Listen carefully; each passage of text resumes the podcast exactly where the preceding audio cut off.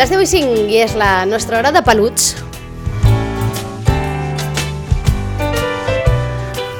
Peluts, un espai dedicat a les nostres mascotes, als nostres animals, als peludets, eh? gossos, gats principalment, que són els que tenim, i que fem un espai que fem amb Valentina Mariotti, etòloga. Molt bon dia, Valentina.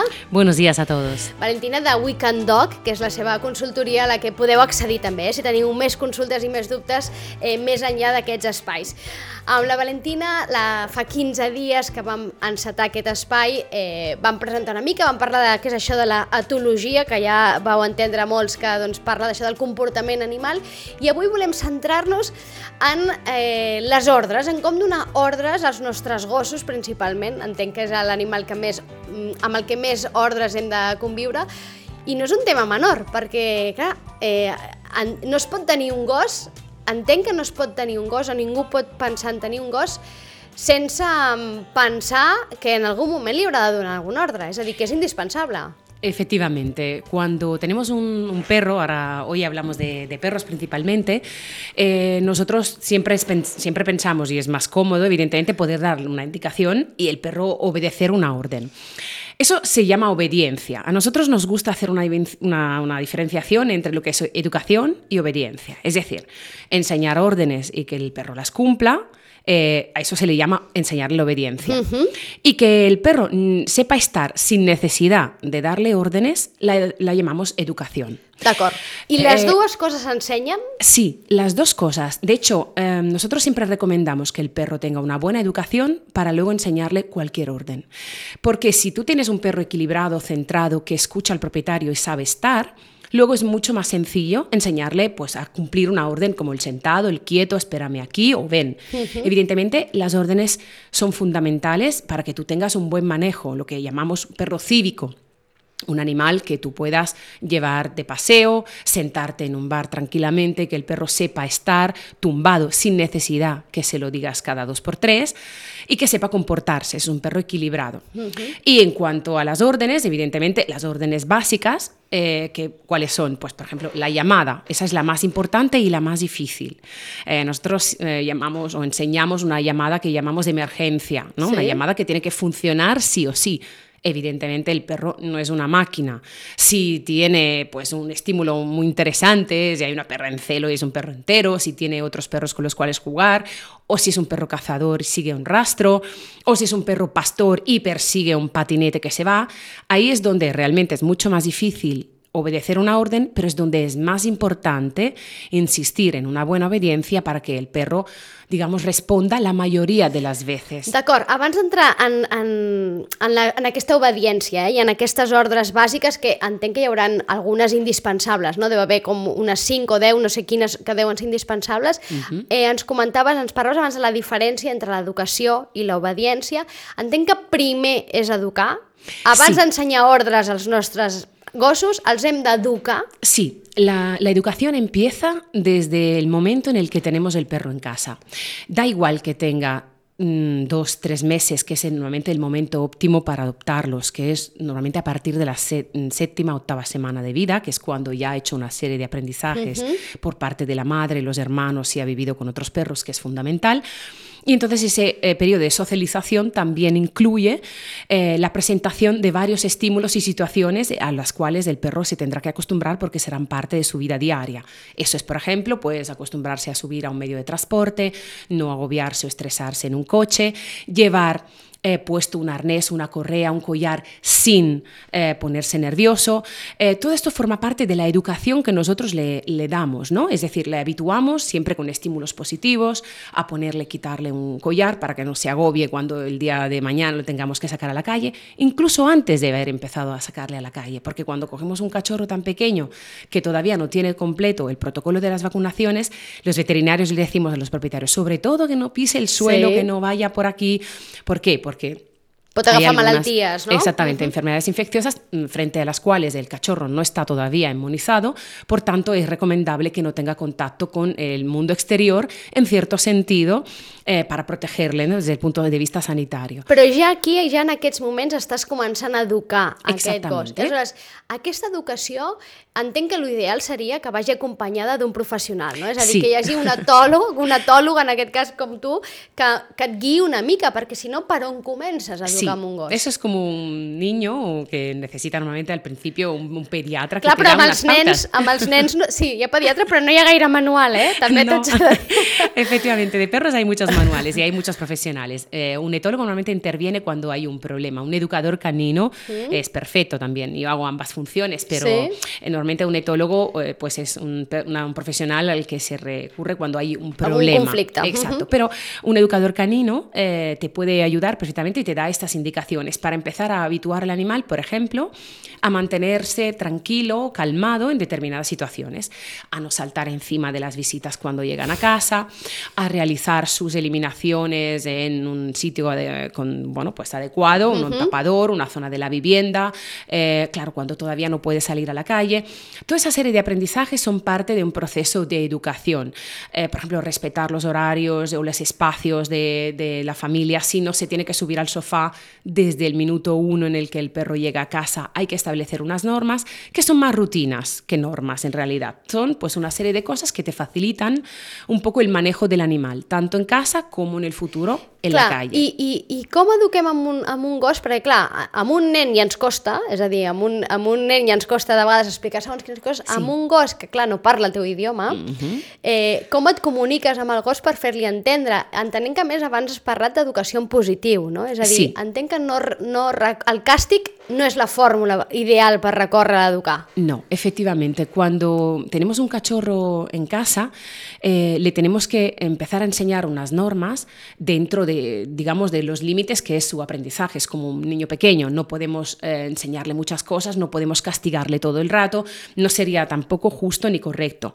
Por tanto, eh, educamos en positivo mediante el refuerzo, mediante eh, el vínculo, el establecer un, un lazo con el propietario de confianza que no pase por el castigo. Cuando un cachorro hace muchas trastadas de pequeño, pues estamos continuamente diciéndole, no, això no es fa, això no es toca, això no es menja, eh, això no es tranca. Parlem Eh, de gossos, eh? Perquè, clar, aquesta conversa ara la podríem traslladar de vegades també amb canalla, eh? Efectivamente, en un, en un cachorro hablamos mucho en negativo y el perro muchas veces no entiende lo que no tiene que hacer, pero sí entiende muy bien lo que puede hacer si nosotros se lo reforzamos mediante pues una caricia, eh, pues un, un achuche. Nosotros recomendamos utilizar, siempre lo decimos, su propia comida para reforzar buenas conductas, para no darle demasiadas chuches ni premios fuera de lo que es su alimentación básica.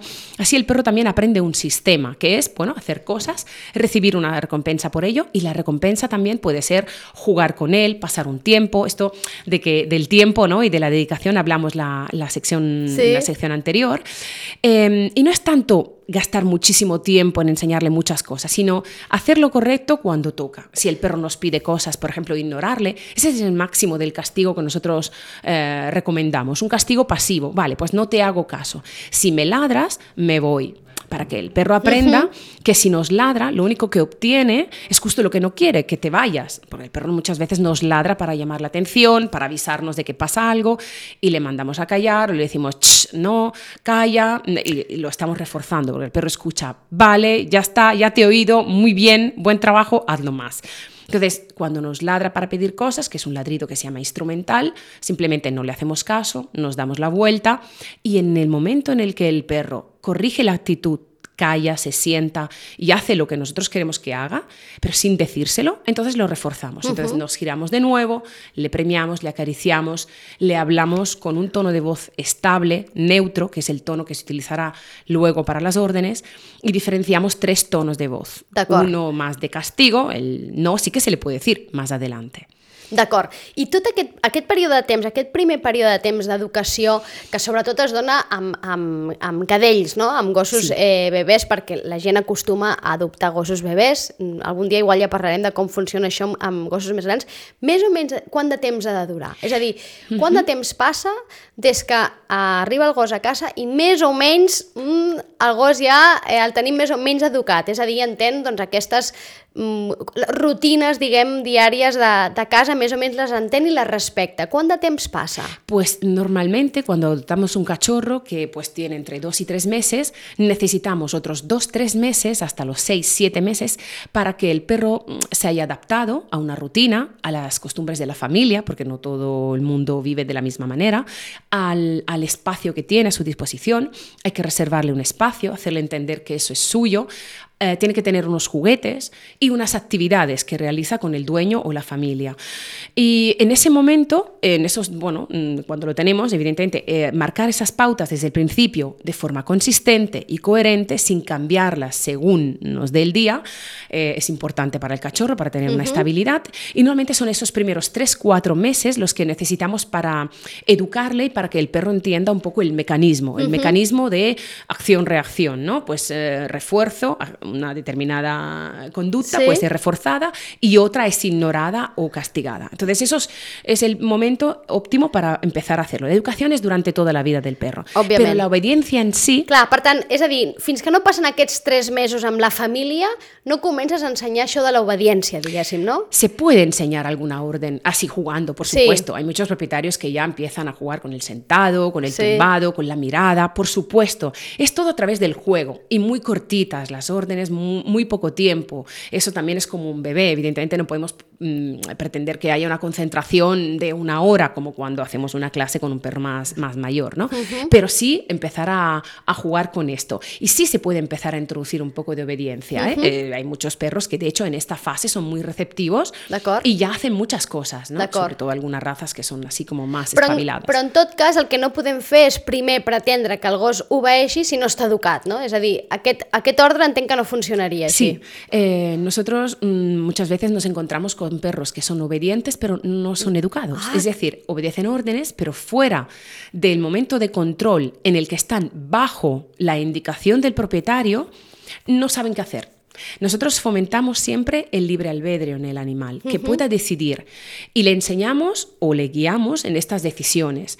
Si decides bien, si decides correctamente, encontrarás un refuerzo a esa conducta. Si el perro no tiene capacidad de pensar, muchas veces no sabe por dónde tirar. Espera siempre, digamos, la indicación del guía. Y eso es bueno para un lado, pero es malo por otro, porque en realidad nosotros eh, pues trabajamos siempre con, con, perros que tengan una personalidad, que no los chafamos, eso es como los niños, si siempre les decimos lo que tienen que hacer, no desarrollan una personalidad, una capacidad de decisión. De hecho, trabajamos mucho la autoestima, trabajamos mucho el hecho de que el perro, mm, eso, decida, tome decisiones, le premiamos las conductas que nos gustan, porque incluso más tarde nos podrían llevar a enseñarle alguna orden Clar, perquè tots ens ha passat, no? Cada vegades hem vist doncs, algun animal, doncs això, en un restaurant, en una cafeteria, que el veus caminar i penses, quin gos més educat, que no borda, que no molesta, que no t'enteres de res, que està obeint aquí el seu, el seu amo, no? la seva propietària. Clar, sí. entenem, entenem que això és tot un procés, és a dir, no hi ha un gos que neixi y faci això, ¿no? Això se li ha d'ensenyar al gos. Sí, esto hay que enseñárselo. Es cierto que hay una buena predisposición genética cuando escogemos un perro que viene de pues, mm, pues padres equilibrados. No estoy hablando necesariamente de razas o de criadores, estoy hablando de mm, características genéticas eh, intrínsecas de la, del animal. Por tanto, siempre que adoptemos un animal, lo ideal sería conocer los padres. No siempre es posible. Muchas veces adoptamos de, de protectoras, sí. de, está súper bien, pero no conocemos el histórico del animal. Eso, digamos, en, hemos hablado hasta ahora de cachorros que pues tú adoptas con esa edad, pero muchas veces adoptamos perros adultos que ya tienen un background, ya tienen una historia y ya tienen experiencias previas. Evidentemente, ahí sí que puede intervenir un etólogo, un profesional para cambiar algunos aspectos. Un perro que eh, se tira, por ejemplo, a otros perros porque muchas veces no sabe cómo comunicarse. Antes has comentado algo muy importante que es la comunicación, ¿no? Esas herramientas de, de comunicación. Nosotros nos comunicamos de una forma distinta a los animales y ellos entienden determinadas cosas. Por tanto, somos nosotros, somos seres humanos que tenemos que esforzarnos para llegar a comunicar correctamente con el perro y sobre todo entenderle cuando el perro nos da signos o muestras de incomodidad. Cuando, por ejemplo, bosteza, eh, cuando se sacude mucho, em, cuando abre la boca y la, y la cierra repetidas veces, se relame los labios. Todo eso son señales que bueno, los especialistas llaman de calma o de apaciguamiento, pero en realidad el animal está intentando autocontrolarse en ese momento o quitarse de encima el estrés porque está en una situación que le incomoda. Y eso tenemos que saberlo y conocerlo para poder interpretar pues cuando és el moment, per exemple, de sacar el perro d'una determinada situació. No Clar, per podemos... tant, és, és un procés bidireccional, no? És a dir, no només és el gos que ha de fer l'esforç d'entendre a l'humà, en aquest cas, sinó que nosaltres també hem de fer un esforç d'entendre aquell animal eh, amb el seu idioma, no? Que és l'idioma caní. Sí, y respetarle, respetar su espacio, respetar su comportamiento, su carácter, su, bueno, su aptitud, porque si en ese momento el perro no se, siente, no se siente cómodo, no le podemos forzar, por ejemplo, a saludar a otro o a dejarse oler si el perro no lo desea o eh, a dejarse tocar. Tenemos la costumbre de tocar un perro siempre por encima de la cabeza, tapándole la vista, los ojos. Como propietario lo podemos hacer, pero si es un perro desconocido, eh, pues es mejor no hacerlo porque ese perro se puede sentir violento si nos acercamos de una manera demasiado brusca. Hem, hem deixat de banda abans les, les ordres, si et sembla anem a, anem a això, perquè d'alguna manera a l'inici, però que m'ha semblat molt interessant tot això de la part de l'educació, eh, entrant ja en tema d'ordres, d'obediència, sí. eh, que comentaves, uh -huh. hi ha algunes que són bàsiques, és a dir, que s'han d'ensenyar sí o sí? Sí, por ejemplo, eh, la llamada es fundamental. Cuando en algunas ocasiones tengamos que soltar al perro, el hecho de que acuda es fundamental. Eh, y es la orden, como se explicaba, más difícil de cumplir, porque es como mmm, lo dejo todo para venir a, hacia ti. Y eso requiere un cierto esfuerzo. Nosotros en YouTube tenemos, en Weekend Dog, un vídeo donde explicamos la llamada uh -huh. paso a paso. Si alguien quiere, quiere mirarlo, es, es, está libre acceso que se llama La llamada de Weekend Dog. Y, y eso es importante que, que, lo tengamos muy bien aprendido y muy, muy bien trabajado. Diferente a la llamada que hacemos muchas ¿Sí? veces al día. Tiene que ser algo distinto, con un super premio y pues no la podemos tampoco explotar demasiado. O sea, tenemos que hacerla en algunas ocasiones para que el perro no se acostumbre y diga, bueno, pues ya sé de lo que va y bueno, pierda ¿Sí? interés. Luego las órdenes mmm, más importantes son evidentemente el, el, el quieto, o sea, el ¿Sí? poder dejar un perro pues tranquilo en un sitio que nos espere, que no se agobie, no se estrese si nosotros nos alejamos y evidentemente el varios sentado, tumbado, uh -huh. eh, pues la mirada también es, es importante. Nosotras, estos cinco, cinco órdenes fundamentales, luego hay muchas más, o trucos... Però diguem que amb aquestes cinc ordres ja podries conviure amb un gos, eh? sí. és a dir, totes aquestes altres de dona'm la puteta, tot això ja... Bueno, no, eso ya depende està, de és un joc, si no és necessari, no? Exacto, no és imprescindible para I hi ha un idioma, un, un idioma ideal? No. Perquè moltes vegades sentim, per exemple, que fan servir molt l'anglès, no? Sí, sí, pero también hay órdenes en, en alemán, también el Fuß, Sitz, Platz eh, o el Sit, eh, el Down. Tú puedes utilizar el idioma que quieras. Hasta incluso puedes mezclarlos entre sí.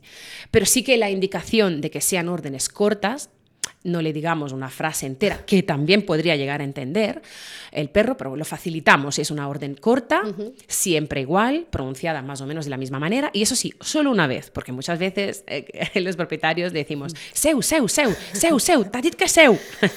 Entonces... Y algo tabalat aquí Exacto. ya, ¿eh? No, la orden se da solo una vez, esperamos unos segundos que el perro la escuche, la reciba, la decida si hacerla o no, entonces eh, cuando la haga, evidentemente lo premiamos, ¿no? Eso es un proceso también que se llama moldeado para llegar llegar a que el perro cumpla la orden en la medida que nosotros queramos, ¿no? Pero um, el idioma es indistinto, pero siempre que sea el mismo, evidentemente, en sí. un perro, los propietarios se pongan és a dir, de acuerdo. no li diguis avui seu, demà sit i l'altre uh, en, en un altre idioma, vaja. Mm, eso al principio. Piensa que luego hasta incluso no será necesario darle la orden verbal porque muchas veces con la misma gestualidad, de hecho nosotros recomendamos utilizar eh, dos cosas, dos elementos, la orden verbal acompañada de una señal visual, la mano determinada de una manera determinada, en radio no os puedo enseñar, sí. pero en nuestros vídeos también hay, pues eh, la mano de una determinada manera para que tú puedas incluso sin decirle al perro verbalmente, sin, uh -huh. sin vocalizar la orden, darle la indicación de forma gestual. Y esto se puede hacer también para la llamada, para otras, otras cosas que son más trucos así. Y, y, sobre todo recordar que siempre que enseñemos una orden nueva, tenemos que ser pacientes, tenemos que mm, terminar siempre con algo que el perro sepa hacer. Que no nos frustremos nosotros, para que no se frustre el perro tampoco, si el perro no la entiende la primera, mmm, porque si el perro no la entiende, es culpa nuestra, no del perro. Porque le hemos pedido eh, demasiado. Mal. Se lo hemos pedido mal o bien no hemos esperado sus tiempos de aprendizaje. Això és important, eh? que si el gos no ho entén és culpa del propietari, que moltes vegades amb això no hi caiem, no? donem la culpa al, a l'animal i moltes vegades que igual no hem donat bé l'ordre o hem fet amb un to diferent o repetides vegades o, o de la manera que sigui.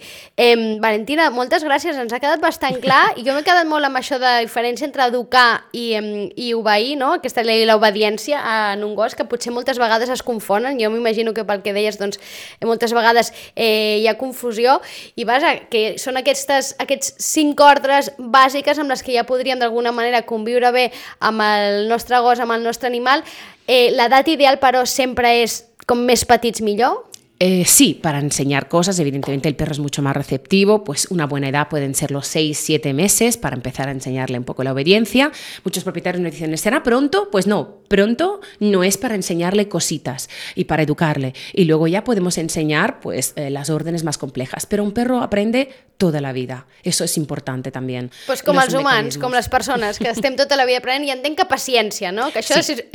Gradualidad, paciencia, consistencia y evidentemente pues un, un guía por un professional si se necessita. I això, per descomptat, que moltes vegades ens pensem que ho podem fer tots sols, i escolta'm, hi ha professionals que en saben molt i que ens poden acompanyar, com és el cas de la Valentina Mariotti. Moltes gràcies, ens veiem en 15 dies. Molt bé, gràcies a vosaltres. Adéu-siau.